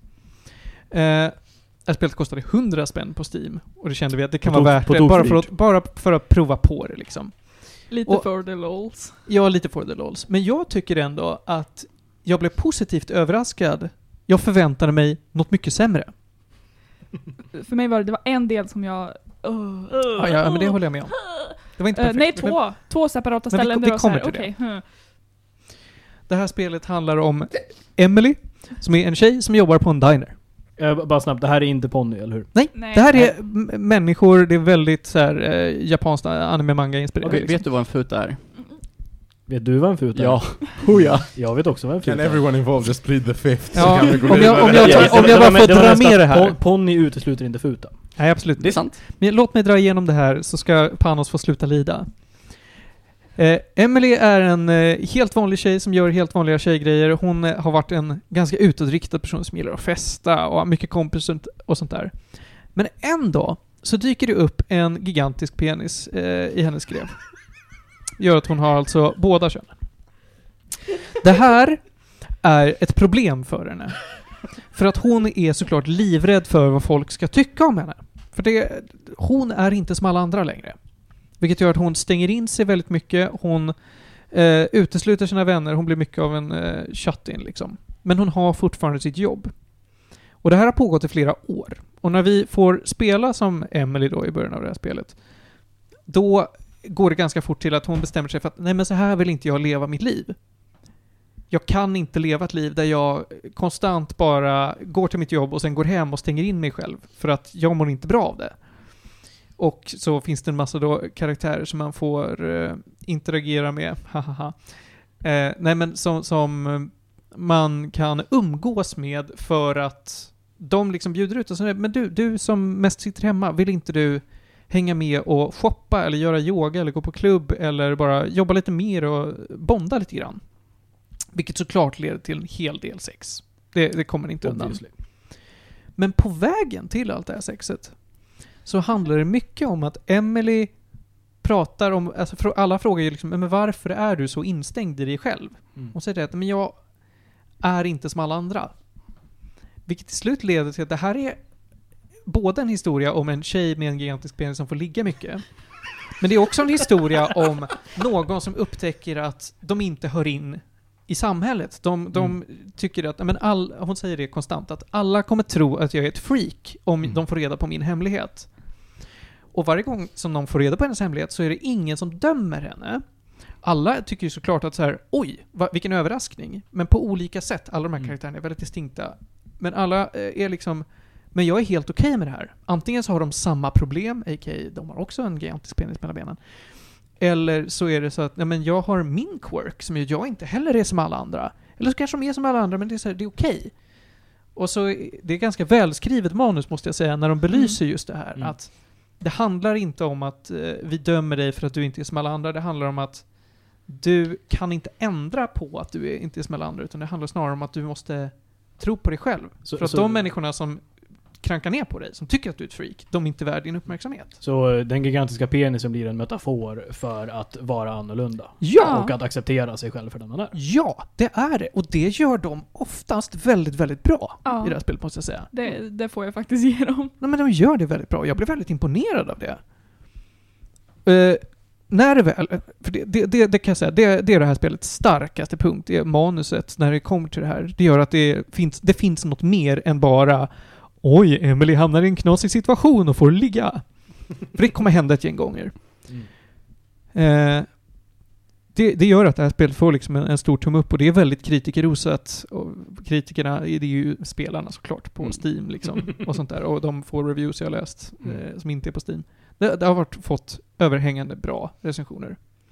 Ska man komma till det negativa så är det att det finns två instanser i spelet där sexet inte är beskrivet på ett bra sätt. Och det kommer framförallt till att det finns två ställen där det blir väldigt rapey. Mm. Väldigt rapey. Och det är en kvinna som blir någon typ av eh, eh, dominatrix, eller en Mm. ägare till, till Emily. Mm. Mhm. Och det görs inte alls bra. Mm. Det, alltså det görs verkligen... Det är verkligen alla fel man kan göra, gör de i Okej. den stunden. Och det är så här, till och med, det verkar som att de inser det för att eh, Emily själv reagerar på ah, alltså jag borde inte, liksom, så här, jag borde försöka ta mig loss och Mm. sådana grejer. Men ah, ja, man får ändå valet att stanna liksom. Och till och med då så är det mer så här, ah, I guess. Eh, det är väldigt så här, Mm. det är inte ja, så. Det är Mm. inte bra. Så för att sammanfatta, en positiv läxa i acceptans, men en negativ läxa i samtycke. Så är det. Mm. Men det är, Vid de bara- två Det är instanserna. precis bara vid de två instanserna. Annars så är det väldigt mycket samtycke och alla frågar och alla är så här, men Mm. för, förklarar ändå så här, ja men jag vill att du ska göra det här för att det är bra för dig och för mig. Det är liksom en win-win. Mm. Och du får alltid möjligheten att säga nej liksom. Mm. Ifall du inte vill, men spelet såklart vill ju att du ska Ja. göra det här liksom. Men det, det känns inte som att du gör det mot din egen vilja, förutom i de här två instanserna. Mm. Jag vet inte om jag vill ge det här spelet några gäddor. Det känns så konstigt. Det kändes fel för mig att ge ponnyspelet några Ja, också, precis. så- Vill du, du vill inte heller... Gud nej. Nej. Nej, men vi gör inte det. Eh, jag är imponerad i alla fall. Jag kan säga att jag förväntade mig mycket sämre. För att, för att citera den eviga poeten Simoido. Ja, jag gillar ju kuk. Kan vi gå vidare nu? Det kan vi. Om du kände dig nöjd med Friendship with Benefits, Ja, det gör jag. då så. Då går vi vidare. Panna, så mycket tid har vi kvar på klockan? Tillräckligt för att prata New Girl och skräckalbum. Då så. Då gör vi det. Vi pratar New Girl. New Girl... Ronja. Hej. Zoe Deschanel bor med ett gäng snubbar och är lite knasig. Hon bor med Smi- Spiderman. Bor med en Spiderman? Vilken Vänta, Spiderman? Men vilken sp- ja, precis. Andrew Garfield? Nej. Into uh, the Spider-Verse. Nick Ja. uh, gör rösten till Ja, ja, ja, ja, just det, Oh. just det. Aha. Och det är så va- jävla roligt. Vad handlar New Girl om? Jo, det här var liksom den pitch jag sa till dig nu, det var det jag visste. Ja. Du har aldrig sett det eller? Nej. Okej. Ja, uh, New G- vad heter huvudpersonen? Nu har jag helt tappat det. Eh, Zoe Deschanel. eh, Jess? Ja, Ja, det, det, det, är väl, det är väl hela introt liksom. Who's that girl? Who's that girl? It's Jess. Yes, exakt. Så Yes flyttar in hos eh, tre grabbar. Schmidt, Nick och eh, Winston heter de. Och eh, på deras intervju är hon typ ah, jag trodde att eh, det var tre tjejer som bodde här, men eh, det här funkar. Och eh, de är så här lite, de tycker inte om henne först, hon är lite av en knasboll, hon är väldigt så här, eh, hon är en förskollärare typ. Och väldigt mycket av en sån. Men eh, det ger väldigt eh, mycket ja, komedi i vardagen och eh, väldigt roligt att se deras eh, relationships utvecklas tillsammans när de bor i en väldigt liten lägenhet. Eh, det har tidigare bara varit dudes som bor där och sen ska hon komma och göra det så att hon också kan bo där. Eh, ja, det är centrerat på Yes väldigt mycket. Under säsongen så blir det mer och mer om typ alla karaktärerna och hur de utvecklas tillsammans. Ja. Jag, jag tycker... Vad är fokuset här? Är det på, på dramat mellan karaktärerna som bor ihop eller på Jess liv med, med, alltså något kärleksliv eller vad? Det var det här jag ville komma till. Det är ju, alltså det finns ju mycket romans, alltså det finns här story, det drivs framåt av olika skäl. Mm. Men jag tycker egentligen fokus är på relationsdynamiken. Ja. Mellan vad? Me- mellan huvudkaraktärerna. alla karaktärerna är så himla roliga på sina egna sätt. Och det är liksom det som eh, får mig att tycka om den här serien så himla mycket. Jessie, ju, hon är ju lite knasig, hon ser på saker på väldigt konstiga sätt ibland och hon kan spela över spela över vissa situationer för mycket. Eh, Nick, han är helt galen typ. Han, eh, alla hans grejer är typ sönder och han är okej med det. Han jobbar eh, i en bar och eh, han fixar saker med ducktape. Uh, eh, Schmidt, eh, han är väldigt, eh, vad heter det, ordentlig av sig. Han är pedantisk. Väldigt pedantisk. Han eh, gillar, eh, gillar sig själv väldigt mycket också. Och alla, alla tycker han är störig. Basically. De har en uh, douchebag jar bara för honom när han säger Just douche- douchebag stuff. Som han får sätta pengar i. Eh, Winston, i, i första säsongen är han lite mer seriös av sig tycker jag. Men sen så har han blivit mer, han är väldigt konstig på sitt sätt. Han gillar djur väldigt mycket, han gillar eh, Hawaii t-shirts med jättemycket prints. Och eh, han gillar att göra jokes som antingen är alldeles för mycket eller som är alldeles för lite, pranks. Och har också en väldigt konstig uppfattning om eh, situationer. Låter lite så här autistiskt kodad. Eh, Ka- kanske, men, men det, det, jag, jag tror så här, jag tror så här, det man, måste, man måste titta på den här, för den här började komma ut 2011, typ, Typ. 2011, Mm. 2012. En vanlig amerikansk sitcom Mm. hade kunnat ha tre normala snubbar och så kommer tjejen in och är stereotypiskt skitgalen. Och så är all humor baserad på det. Här är Jessie bara en rätt rimlig människa som är Ja. stuck in her head. Ja. Och resten av karaktärerna är bara fucking nuts. Batshit crazy. Och det, Big Bang Theory?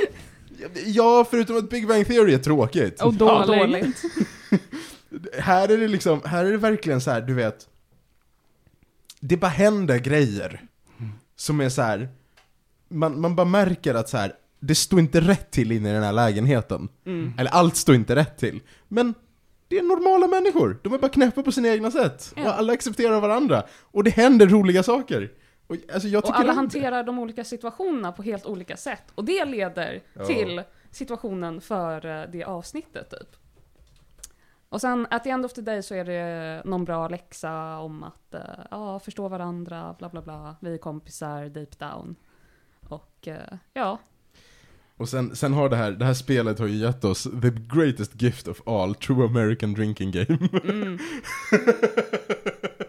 Jag har hört om det här, vad är det det går ut på? Nej, ingen vet. det, det, det, kan, det, det skulle vi behöva ett eget 90 minuters avsnitt för. Är den här serien avslutad? Ja, sista säsongen kom ut några år efter näst sista tror jag. Ja, nej, men- Jaha, så nej, givet. Nej men det var ett litet gap. Det var ett litet gap. Ja, det var ett Ehm, litet hopp där och eh, sista säsongen kom ut, jag tror typ 2018? för, för förra året. Ja, precis. Hur många säsonger blev det? Sju. Sju. Mm. Men Där då var det också ett litet hopp i serien. Mm, Mm. Sjunde säsongen är jättekort. Mm. Men det är Eh, liksom, det är lagom för sista säsongen tycker jag. Ja men de knyter ihop. Mm, väldigt mycket grejer. Jag såg ju bara De första... gör inte en Supernatural. Jag såg ju bara första Eller säsongen, eh, ja men typ när den kom ut, så jag kommer, inte, jag kommer knappt ihåg den alls. Eh, ja, förutom att hon heter Jess Mm. från introt. Alltså nu har jag sett eh, om på den nu har jag satt serien typ två gånger. För jag, jag såg hela serien typ tre år sedan. Och nu har jag fått Sofia och Susanne att se på den också. Så de är snart klara. Och det är så himla roligt. Karaktärerna är perfekta. Nick är min favorit. Han är batshit crazy honestly. Schmidt är en close second. För man ser verkligen bara för karaktärerna och bara hur de är, vad de gör, vad de säger. Jag, jag tycker också, jag tycker en stor del av storyn fokuserar väldigt ofta på, på Jess och Nick. Mm. Eh, och då tycker jag att Schmidt och Winstons background shenanigans är det man egentligen bör fokusera på. För det händer så jävla mycket knäpp skit i bakgrunden. Den är fantastisk. Mm. Och framförallt, det är en lyckad sitcom den här sidan 1000-talet som inte är en rip-off av Friends. Det är väl inte en sitcom? Eh, Seinfeld. Eller Seinfeld. Men Seinfeld var först. Friends rippade Seinfeld. Jag tänker inte ge Seinfeld cred för någonting. Det är en jättedålig serie. Men det är Ja, ja. Friends I med. second that. Men nu går det väl inte en sitcom? Är det inte? Alltså inte på samma sätt, det är inte en Alltså det är såpa. ingen laugh track, Nej. men i all uh, every other uh, part så Det är, en, det är en sitcom. amerikansk eh, humorsåpa. Ja, Nej men det är, det är inte en alltså- såpopera. Nej, det är det inte. Ja, ja. Ja, ja. Ja, bra är det i alla fall. Jävligt bra. Väldigt många bra karaktärer. Ehm, sen så, jag, tyck, jag tycker det är lite weird att ehm, de verkar ändra sig hur de tycker att typ, vissa karaktärer ska vara lite i mitten av serien. Typ Winston var lite mer seriös i början, sen så blev han bara eh, knasig och mer eh, alla skrattar typ åt honom, men han har sina moments och grejer. Så Ja, det är vissa utvecklingar som jag inte helt tycker om, men det är fortfarande en väldigt stark serie. Och väldigt kul. Vill ni ge den gäddor? Alltså, den är ju väldigt solid för vad den är. Jag tycker det här är, jag tycker det här är en åtta. Ja, typ 8-9. Det är väldigt, väldigt bra. Mm. Ja, men det, det är få humorserier jag har klarat av att titta igenom på samma sätt som jag har klarat av New Girl. Ja, alltså det finns det finns inte så mycket att klaga på, ärligt talat. Prince är med i ett avsnitt. Ah. Just det. Det är jättemånga Cool. Prince. karaktärer som... Inte Prince död så länge. Inte så Nej, länge. han, vad var det? 2018 dog han väl? Gud, Eller jag trodde det- Prince dog typ 2005. 2016 då. Ja just det, Shit. 2016, Ja. det stora dödsåret där. Mm. Mm. Ja, men han, han är med i ett avsnitt. Det är kul. Kul Mm. grejer händer. Okej. Dags Ja. för musik. Ja. Ja, Skönt, ska- att kalla 2016 det stora dödsåret efter 2020. Det, Ja, okej, det, det stora kändisdödsåret. Va? Adam Alsing? Mm. Ja, precis. Det är den enda personen jag kommer på som dog av covid-19. Eh, I, kändis, I kändisvärlden. Jag kommer inte ihåg någon annan. Nej men... eh, gå Chadwick, Chadwick, Chadwick Boseman, men han dog inte av Nej, han hade covid. väl cancer. Mm. Ja, ja, musik. Ja. Ehm, så jag vet inte hur många avsnitt sen det var, men det var en liten, liten stund sen som jag pratade om Bring Me The Horizon och då om ett av deras experimentella album som var lite wack. Ehm, de släppte ett till nu, ehm, um, 20, slutet av 2020 någonstans, jag kommer inte ihåg exakt när.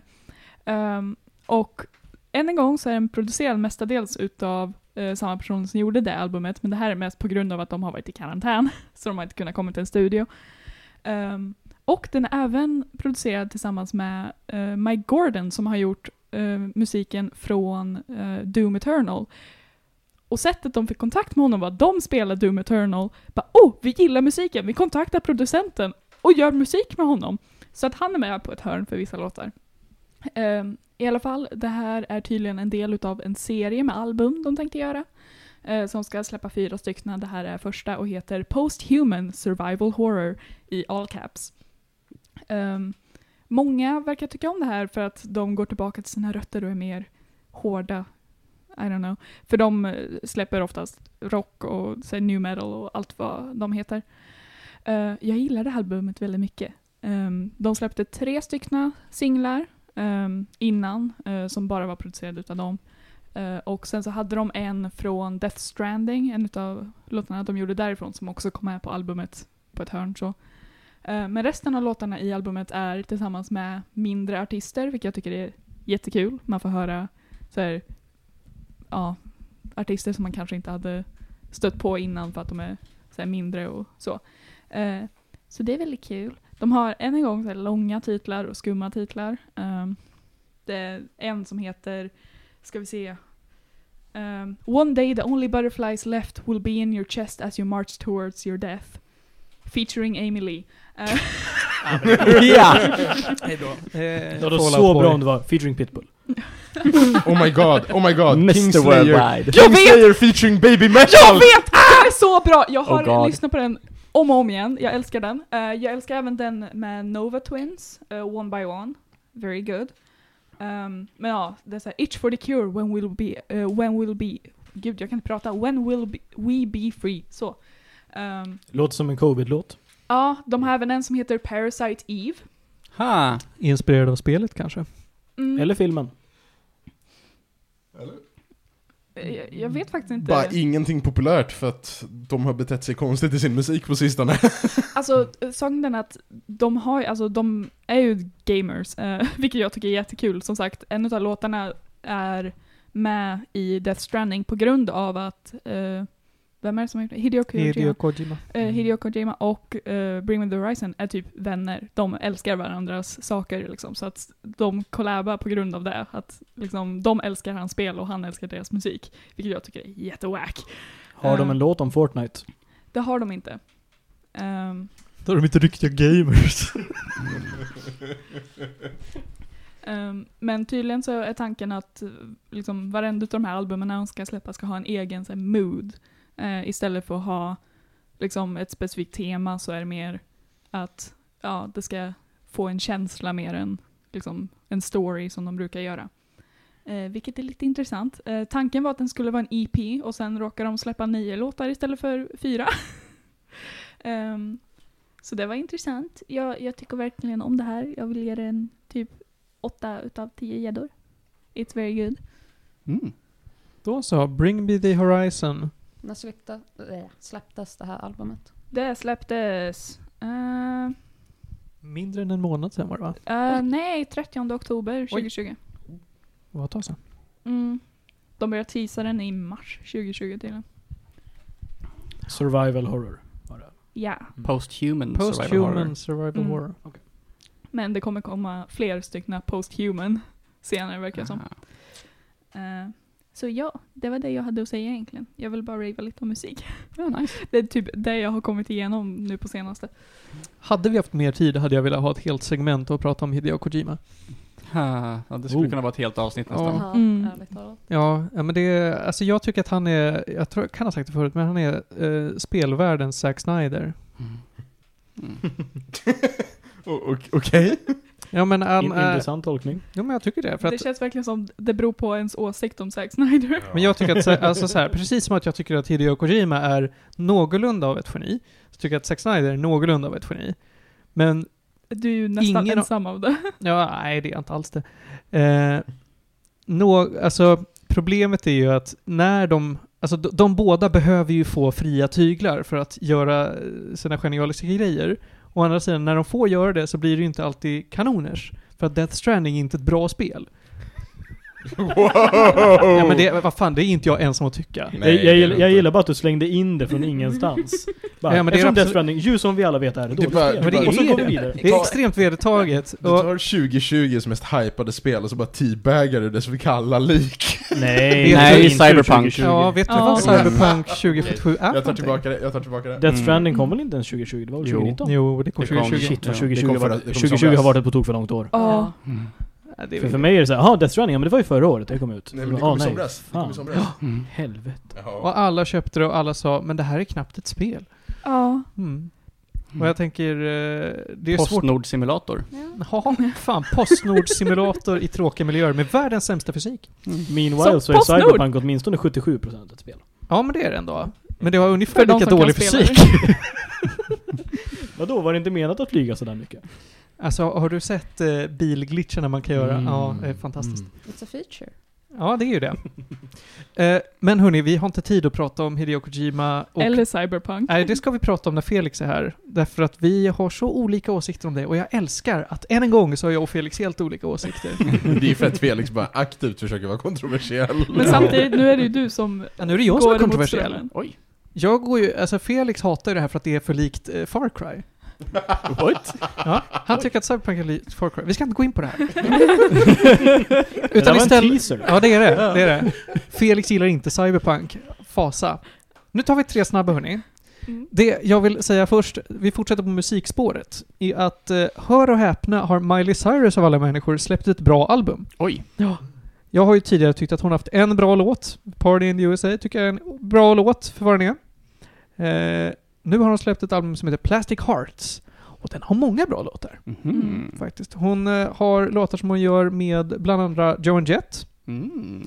Det är en väldigt meningslös låt, för en sög. Men hon har också en låt hon har gjort med Billy Joel. Nej, inte Bill, Billy Idol. Förlåt. Ah. Förlåt, Mm. Billy Idol. Det var bra. Eh, albumet är typ en timme. Eh, it good. Lyssna på en eh, med en högtalare med bra bas. Genre? Eh, Miley Cyrus? Nej. Det är väl lite coun- så här country rock nästan. Nej, jag tycker inte det. Det touchar på det. Det har är, det är också en- poppigt. Ja, det är väldigt ja, poppigt. ja, det är ju men- poppigt, men det touchar på country rock ibland. Ja, ibland kanske. Jag tycker det mer är poprockigt. Mm. Hon har ju en väldigt rockig röst. Mm. Och här får den vara mer rockig än poppig. Mm. Jag, jag har ändå, jag har lyssnat på det här. Måste säga, 2020 är fan ett bra musikår för Miley Cyrus. Ja. Det händer grejer. Det det. Var ju Ja. också hennes, eh, när hon eh, körde live, eh, live-versioner av rocklåtar. Mm. Som Ja. också var väldigt positivt. Ja, Ja, verkligen. har jag hört Eh, om. mot Ja. De det var var bra. riktigt bra. Hon, eh, att hon gjorde vä- väldigt bra tolkningar av det. Skitbra! Jag har, bara, jag har bara hört en av dem, jag kommer inte ihåg vilken det var. Men eh, jag tyckte det var bra. Heart of Glass. Nej, det var inte den. Det var någon annan. Men i alla fall. Jag blev också väldigt förvånad när jag upptäckte att eh, Miley Cyrus är fyra år äldre än vad vi är. Alltså, herregud. Yes. Jag visste inte att hon var född 92. Jag trodde hon var mycket äldre. Nej. Jag trodde hon var typ, i, i, alltså kanske lika gammal som Johan, kanske något år eh, äldre. Men nej. Man Hon blir, är typ 28. lu- man blir typ lurad av Hannah Montana lite också, tror jag. Ja. Man, Ja. man får typ för sig att Ja men det var så länge sedan och hon måste ju ha varit ganska gammal när hon gjorde hon det. var ju inte det. Men hon var inte det. Det var bara alla andra i den serien som var sjukt gamla. Hon ju, Som, som den där klassiska bara För hon hade hela den här grejen med amerikanska att hon filmen. ballade ur post-Disney för att hon då blev vuxen för första gången och Mm. inte visste hur hon skulle hantera det. Ja, ah, just det. Eh, vad var det jag tänkte på? Ja, det finns en jämförelse med Britney här. Tänk på att Britney fortfarande är omyndigförklarad What? Är och instängd av sin pappa. Ja. Ja. Fast är helt inte, galet. hon är inte under kontroll av sin pappa längre. Nej, just det. Utan- Den här perioden har gått ut. På Det grund av hennes- TikToks heroiska Save Britney-insats. Ja. Oh, Nu är det producenten som är hennes förmyndare istället. Hey, improvement eller någonting. Eh, Leave Britney alone. Mm. Det är, det är synd om Britney. Men det är kul att eh, Miley Cyrus får ett litet upphopp. Jag hade något annat jag ville säga, men, men jag kommer inte på vad det var. Någonting med Wrecking Ball kanske? Nej, Nej. inte det. Mm. Du har ju två till snabba kanske. Ja, jag tänker att jag tar det. Det är säkert någonting om eh, hur gamla folk är. Eh, Johan, Ja. du är gammal. Hej. Eh, det andra vi har på agendan som jag skulle vilja slå ett slag för idag. Det är eh, en film som jag eh, såg häromdagen. Eh, en musikalfilm från tidigt 90-tal. Som jag blev ganska imponerad av. Och det är Galenskaparna av After Shaves film Stinsen brinner, baserad på musikalen. Den såg jag för första gången och bara, åh, den var rolig. Mm. Den är typ ett kammarspel på en tågstation. Ju, den, just ja. Jag glömde helt och hållet bort att du tittar på grejer Mm, jag gjorde det. samtidigt som jag låg i soffan och inte gjorde. Nej. Jag var väldigt förvirrad. Jag såg typ tre scener och bara vad fan är det som pågår? Ja, det är en musikal om, om en tågstation som ska läggas ner. Det är ett kammarspel. Den var rolig. eh, så den rekommenderar jag. Mm. Eh, och slutligen då, så eh, vill jag slå ett slag för ett ordentligt indiespel. Va? Det här är så indie som indie blir för att det ligger uppe på itch.io. Okej. Vilket är, det är en sida där man kan lägga upp in, extrema indiespel och så får man betala lite vad man vill för dem. Mm. Eh, det här spelet heter One Last Game. Det är tre minuter långt. Okej. Oj. Det är inte så mycket av ett spel som ett konstverk. Eh, du spelar... eh, Vad heter det? Gud vad jag inte kommer ihåg vad spelet Checkers heter på svenska. Dam. Dam heter det. Dam, Tack! Tack. Dam. Du spelar dam med en kompis. Medan skit händer utanför din dörr. Tre Right. minuter långt är det. Mm. Det är allt jag säger. Det är helt gratis om ni vill. Eh, ladda ner det, prova det och eh, förstå varför det är ett konstverk. Ja. Jag tycker det funkar väldigt bra som ett spel. Alright. Ja, nu tittar Panos på det. Du har i princip sett hela spelet, höll jag på att säga. Typ. Ja, men nästan. Eh, det var det. hörni. Alright. Nästa vecka, då ska vi prata om, eller nästa vecka, näst, nästa vecka blir det ju, nästa avsnitt. Ska vi prata om allt möjligt skoj, bland annat den extrema mindfuck-filmen Primer som jag har tittat på. Mhm. Kul. Se fram emot det. Panos, du är så otaggad. Kul. Det har varit jätteroligt att prata med er idag och vi får tacka hemskt mycket till Julia, Tackar, tackar. och till Ronja, Yes. och till Johan, Jupp, jupp, jupp. och till Ludvig, Yay. och Panos. Tack, tack. Mm, där blev du Kul. taggad. Och jag heter Martin och det här är väldigt, väldigt roligt. Puss och kram hörni och nip i stjärten. Thank you.